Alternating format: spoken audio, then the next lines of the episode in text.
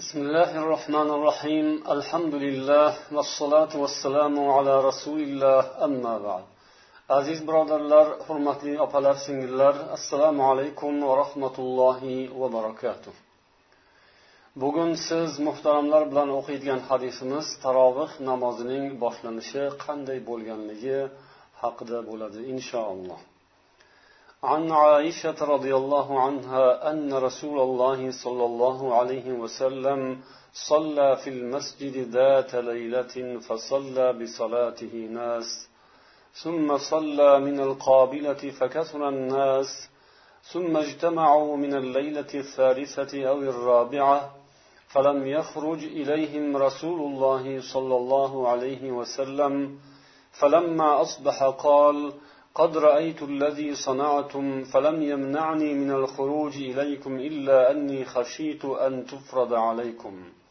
قال وذلك في رمضان رواه مسلم oysha roziyallohu anhodan rivoyat rasululloh sollallohu alayhi vasallam bir kuni tunda masjidda namoz o'qidilar odamlar u zot bilan birga namoz o'qishdi So'ng rasululloh sollallohu alayhi vasallam keyingi kechada ham namoz o'qidilar. Shunda odam ko'payib ketdi. Keyin uchinchi yoki to'rtinchi kechada odamlar to'planishdi. Rasululloh sollallohu alayhi vasallam ularning oldiga chiqmadilar.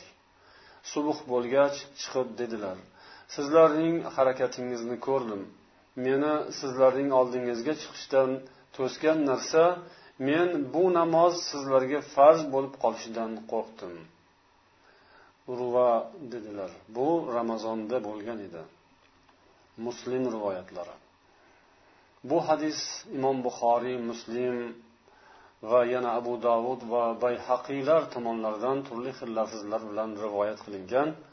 Ushbu hadisda taroveh namozining boshlanishi qanday amalga oshganligi bayon etiladi. ramazon kechalarida iymon bilan va umid bilan ibodat qilgan odamlarning gunohlari mag'firat etilishi xususida rasululloh sollallohu alayhi vasallamning hadislari vorid bo'lgan من قام رمضان إيمانا واحتسابا غفر له ما تقدم من ذنبه kimki ramazon kechalarida iymon bilan va savob umidida qiyomga turadigan bo'lsa namoz o'qiydigan bo'lsa olloh uning barcha gunohlarini kechadi. Uning o'tgan barcha gunohlari mag'firat etiladi degan hadisni payg'ambar sollallohu alayhi vasallamdan imom buxoriy rivoyat qilganlar. Bu so'zni eshitgan insonlar albatta bunday muborak kunlar bu muborak oyning tunlarini g'animat bilishga harakat qiladilar. Ular kechalari bedor bo'lib ibodat qiladilar. Sahobalar roziyallohu anhum ajmain ham alloh taologa iymon va chin muhabbat bilan umid bilan bu ibodatlarni bajo qilar edilar. Rasululloh sollallohu alayhi vasallamdan sodir bo'ladigan har bir so'zga ular muntazir bo'lib turishar edi.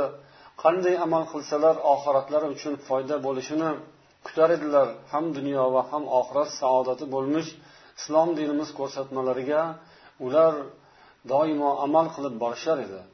Endi ana shunday zotlarni tasavvur qiling agar rasululloh sollallohu alayhi vasallam o'zlari chiqib namoz o'qiyotganlarini eshitib qolsalar qanday bo'lar edi? Mana bu hadisda ham ana shu masala yoritiladi. Ya'ni rasulullohning so'zlari bilan mana shu kechalarda kimki ibodat qilsa gunohlari mag'firat etiladi degan so'zlar bilan ular ibodat qilishardi namoz o'qishardi tunlari. Bir kuni rasululloh sollallohu alayhi vasallamning o'zlari chiqib masjidda namoz o'qidilar. U kishining namozlariga qo'shilib boshqalar ham namoz o'qishdi. Ertalab bu haqda xabar tarqaldi madinada.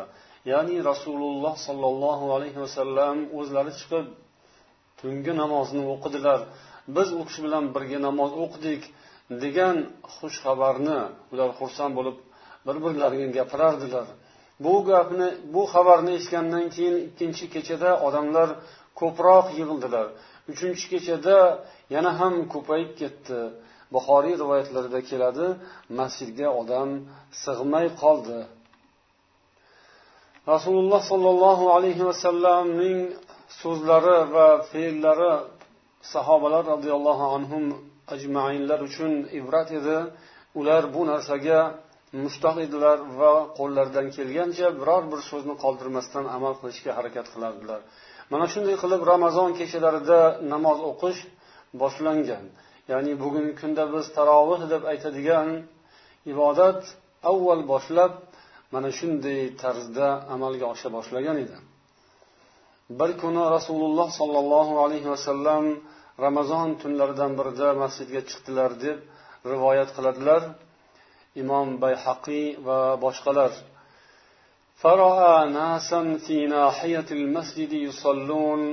odamlarni ko'rdilar bir guruh odamlar masjidning bir chetida namoz o'qiyaptilar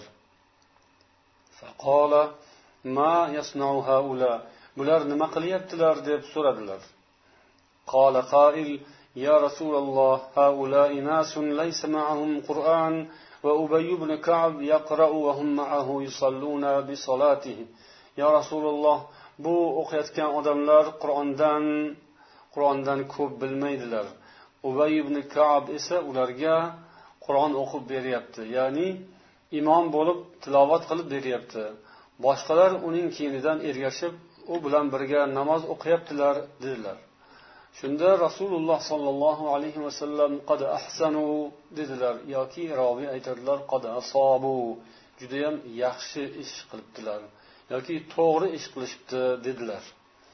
Bu ham taroveh namozining boshlanishiga doir xabarlardan biri edi.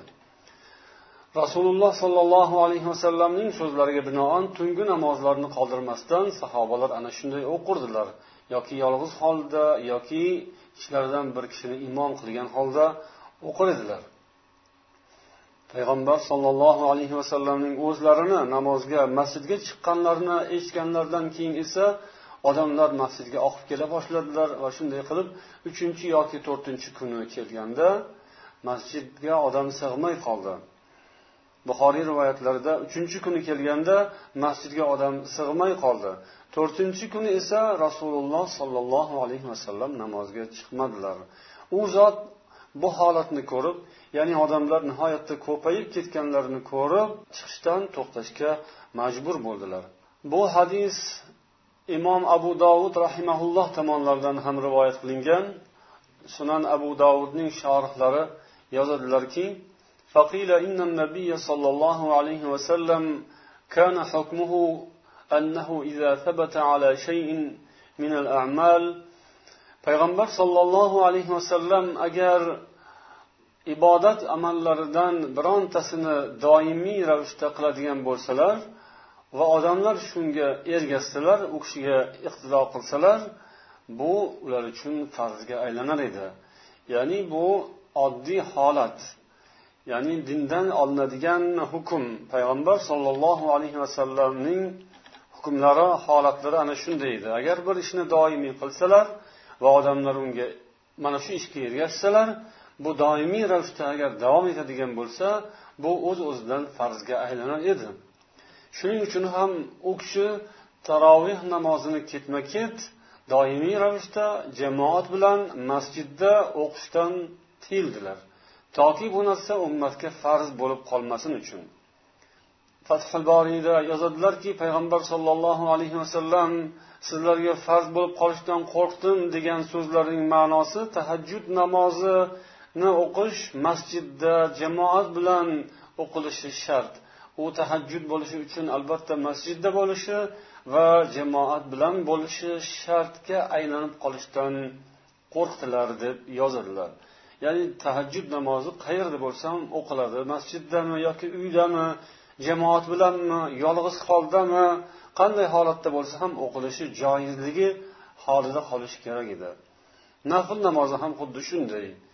Ya'ni xohlagan paytda ya'ni makruh paytlardan xoli ravishda xohlagan joyda ya'ni pokiza yerda uyda bo'lsin yoki boshqa joyda yoki masjidda va xohlagan kayfiyatda ya'ni xoh imom bilan jamoat bo'lib xoh yolg'iz holatda o'qilishi erkin ravishda qolishi nazarda tutilgan deydilar ulamolar.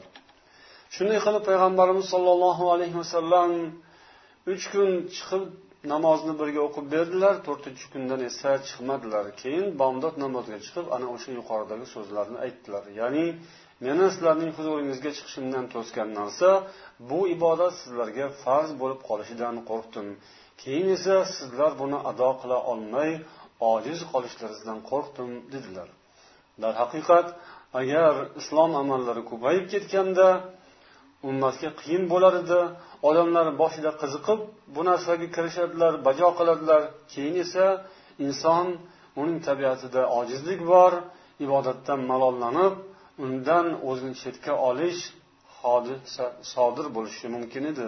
Mana shu narsani rasululloh sollallohu alayhi vasallam nazarda tutdilar va bu alloh taoloning ham irodasi allohning ham xohishi mana shunday edi. Shunday qilib taroveh namozi ummatga farz bo'lib qolishidan saqlanildi. Tarovehning endi hukmi nima? taroveh o'qish musulmon ummat uchun sunnati muakkada holida qoldi ibn battol yozadilar qiyamu ramazon sunnatun لأن عمر إنما أخذه من فعل النبي صلى الله عليه وسلم ramazon kechalarida turib namoz o'qish nafl namozlari o'qish tarovih namozi bu ummat uchun sunnatdir chunki umar roziyallohu anhu buni payg'ambar sollallohu alayhi vasallamning mana shu ishlaridan olib joriy qilganlar bu haqda inshaalloh keyingi suhbatimizda to'xtalamiz ya'ni hazrati umar roziyallohu anhuning taroveh namozini qaytadan joriy qilganlari xususida kelgan hadis bilan inshaalloh keyin tanishamiz al mabsud kitobida yozadilar الفصل الثالث في بيان كونها سنة متوارثة أم تطوعا مطلقة مبتدأة bu taroveh namozining oldindan meros bo'lib kelgan sunnatmi yoki bu keyin paydo bo'lgan amalmi ekanligi haqidagi bob uchinchi bobda yozadilarki bu amal sunnat ekanligini bayon qiladilar an abi hanifata rahimahulloh أن التراويح سنة لا يجوز تركها. abu hanifa rahimaullohdan kelgan rivoyat u kishi aytadilar taroveh tark qilinishi joiz bo'lmagan sunnatdir لأن النبي صلى الله عليه وسلم أقامها ثم بين العذر في ترك المواظبة على أدائها بالجماعة في المسجد خشية أن تكتب علينا.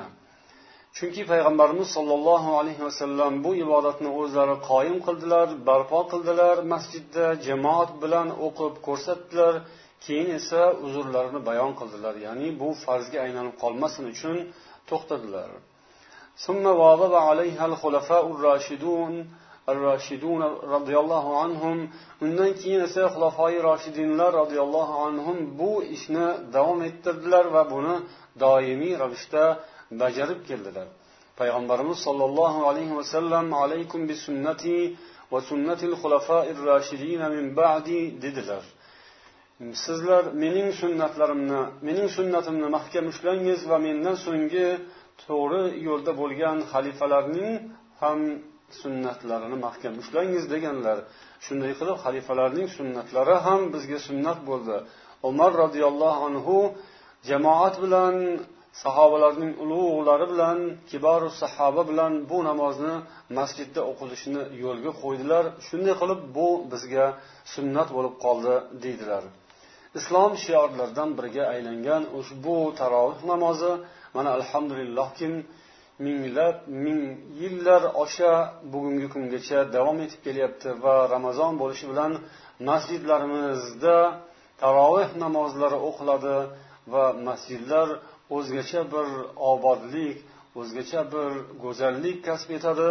Alhamdulillahki bu alloh taolo tomonidan siz bilan biz mo'min musulmonlar uchun ulug' bir ne'mat va bir sharofatki taroveh namozi bu masjidlarimizning ko'rki ziynatigina emas balki islom dinimizning shioriga aylangan ramazon bo'lishi bilan hamma insonlarning qalblaridan erkaku ayolning dilidan ramazon taroveh namozi darhol o'tadi va mana shunga harakatga tushamiz.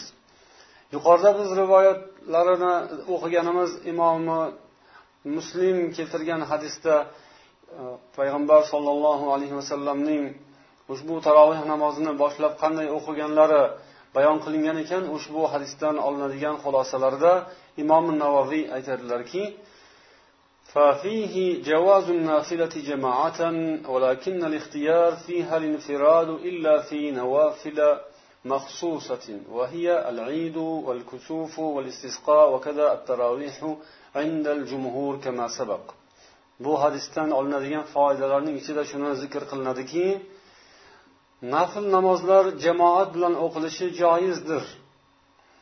Lekin ixtiyor qilingani tanlangani yolg'iz o'qish. Nafl namozlarni yolg'iz o'qishligi savobi ulug'roq. Magaram xos nafl namozlar borki ularni jamoat bilan o'qish lozim. Ular iyid namozi kusuf istisqo namozi ya'ni oy yoki kun tutilganda o'qiladigan namoz yomg'ir so'rab o'qiladigan qurg'oqchilik bo'lsa o'qiladigan namoz va shuningdek taroveh namozi bu nafl namozlarning ichidan istisno qilib olinadigan jamoat bilan o'qilishi lozim bo'lgan namozlardir deydilar. Haqiqatan ham iyid namozini yoki kusuf husuf istisqo namozlarini yolg'iz o'qilishi mashru bo'lmagan. Shularning qatorida tarovuhni ham ilova qilganlar. Tarovuhni yolg'iz o'qish ham mumkin ammo buni jamoat bilan o'qilishi afzal yolg'iz o'qigandan jamoat bo'lib o'qilgan afzal va islom mana shunda insonlarning qalbidan inshaalloh joy olishiga va islom atrofga yana ham yoyilishiga sabab bo'ladigan vositalardan biri yana imom navaviy yozadilarki وخوف مفسدة أو مصلحتان اعتبر أهمهما agar bir foyda bilan bir zarar bo'lish xavfi bir biriga duch kelib qolsa yoki ikki foyda bir biriga to'qnash kelib qolsa eng muhimi tanlanadi. Mana shu hadisdan olinadigan xulosalardan biri shu. Ya'ni foyda bilan zarar foyda musulmonlar birgalikda jamoat bo'lib masjidda namoz o'qishlari bu manfaat foyda. Ammo buning keyinidan o'sha namoz farzga aylanib qolishi esa bu xavf. Ikkisi bir biriga to'qnash kelgan paytda rasululloh sollallohu alayhi vasallam foydani tark qildilar. Zararning ko'lami kattaroq bo'lgani uchun. Foyda bilan zarar agar to'qnash kelib qoladigan bo'lsa qaysini qanday tanlanadi? Foyda bo'ladigan ish qilinadimi yoki qilinmaydi? Mana shu ikkidan ikkidan birini tanlash kerak. Bo'lganda demak muhimi tanlanadi. Agar zarar foydadan kattaroq bo'ladigan bo'lsa unda o'sha foydani tark etiladi to zarar kelmasin uchun. Agar ikki foydali ish bir biriga to'qnash kelib qolgan bo'lsa yo uni qilish kerak yo buni. Ikkovidan birini qilinadi. Ikkalasini qilish mumkin emas iloji yo'q bo'lib qolgan paytda esa ikki manfaatli ish. Uning qaysi biri manfaati ko'proq bo'lsa o'sha narsa tanlanadi. Yana shunday xulosalarning biri aytadilar imom navoiy annal imom وكبير القوم إذا فعل شيئا خلاف ما يتوقعه أتباعه وكان له فيه عذر يذكره لهم تطيبا لقلوبهم وإصلاحا لذات البين. أجر إمام يكي قوم كتس odamlar odamlar kutayotgandan boshqacha bir ishni qiladigan bo'lsa va bunda uzr bo'lsa ya'ni uzrli sabab bo'lsa albatta ana o'shani zikr qilib odamlarga tushuntirishi va ularning ko'ngillarini ko'tarishi oralarini isloh bo'lishi uchun jamoatning birligi saqlanishi uchun mana shu ishni qilishi lozimdir deydilar. Rasululloh sollallohu alayhi vasallamning masjidga chiqib jamoat bilan namoz o'qib berishlarini hamma xohlab istab turgan edi. Mana shuni eshitib xursand bo'lib kelishgan edi. Lekin rasululloh sollallohu alayhi vasallam ular kutgan ishni teskarisini ziddini qildilar va bunda sabab borligini uzr borligini ham bayon qilib tushuntirib ko'rsatdilar. Bundan olinadigan xulosa demak shu ekanki jamoatning rahbarlari yoki jamiyatning rahbarlari yoki bo'lmasam shundan kelib chiqish mumkin xalqning rahbarlari davlat rahbarlari ham o'zlari qilayotgan ishni xalqqa tushuntirishlari ularga ochiq ko'ngil va shaffof bo'lishlari mana shu hadisdan olinadi.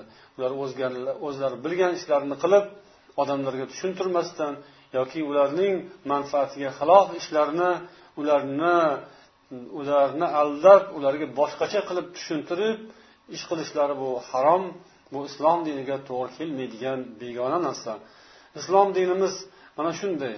Ollohu payg'ambarning so'zlari yo'llari xalqning manfaati uchun muvofiq keladigan yengillik dini.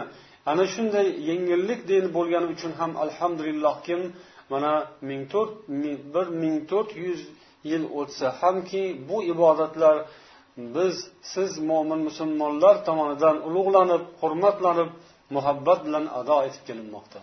Alloh buning davomini ham nasib etsin.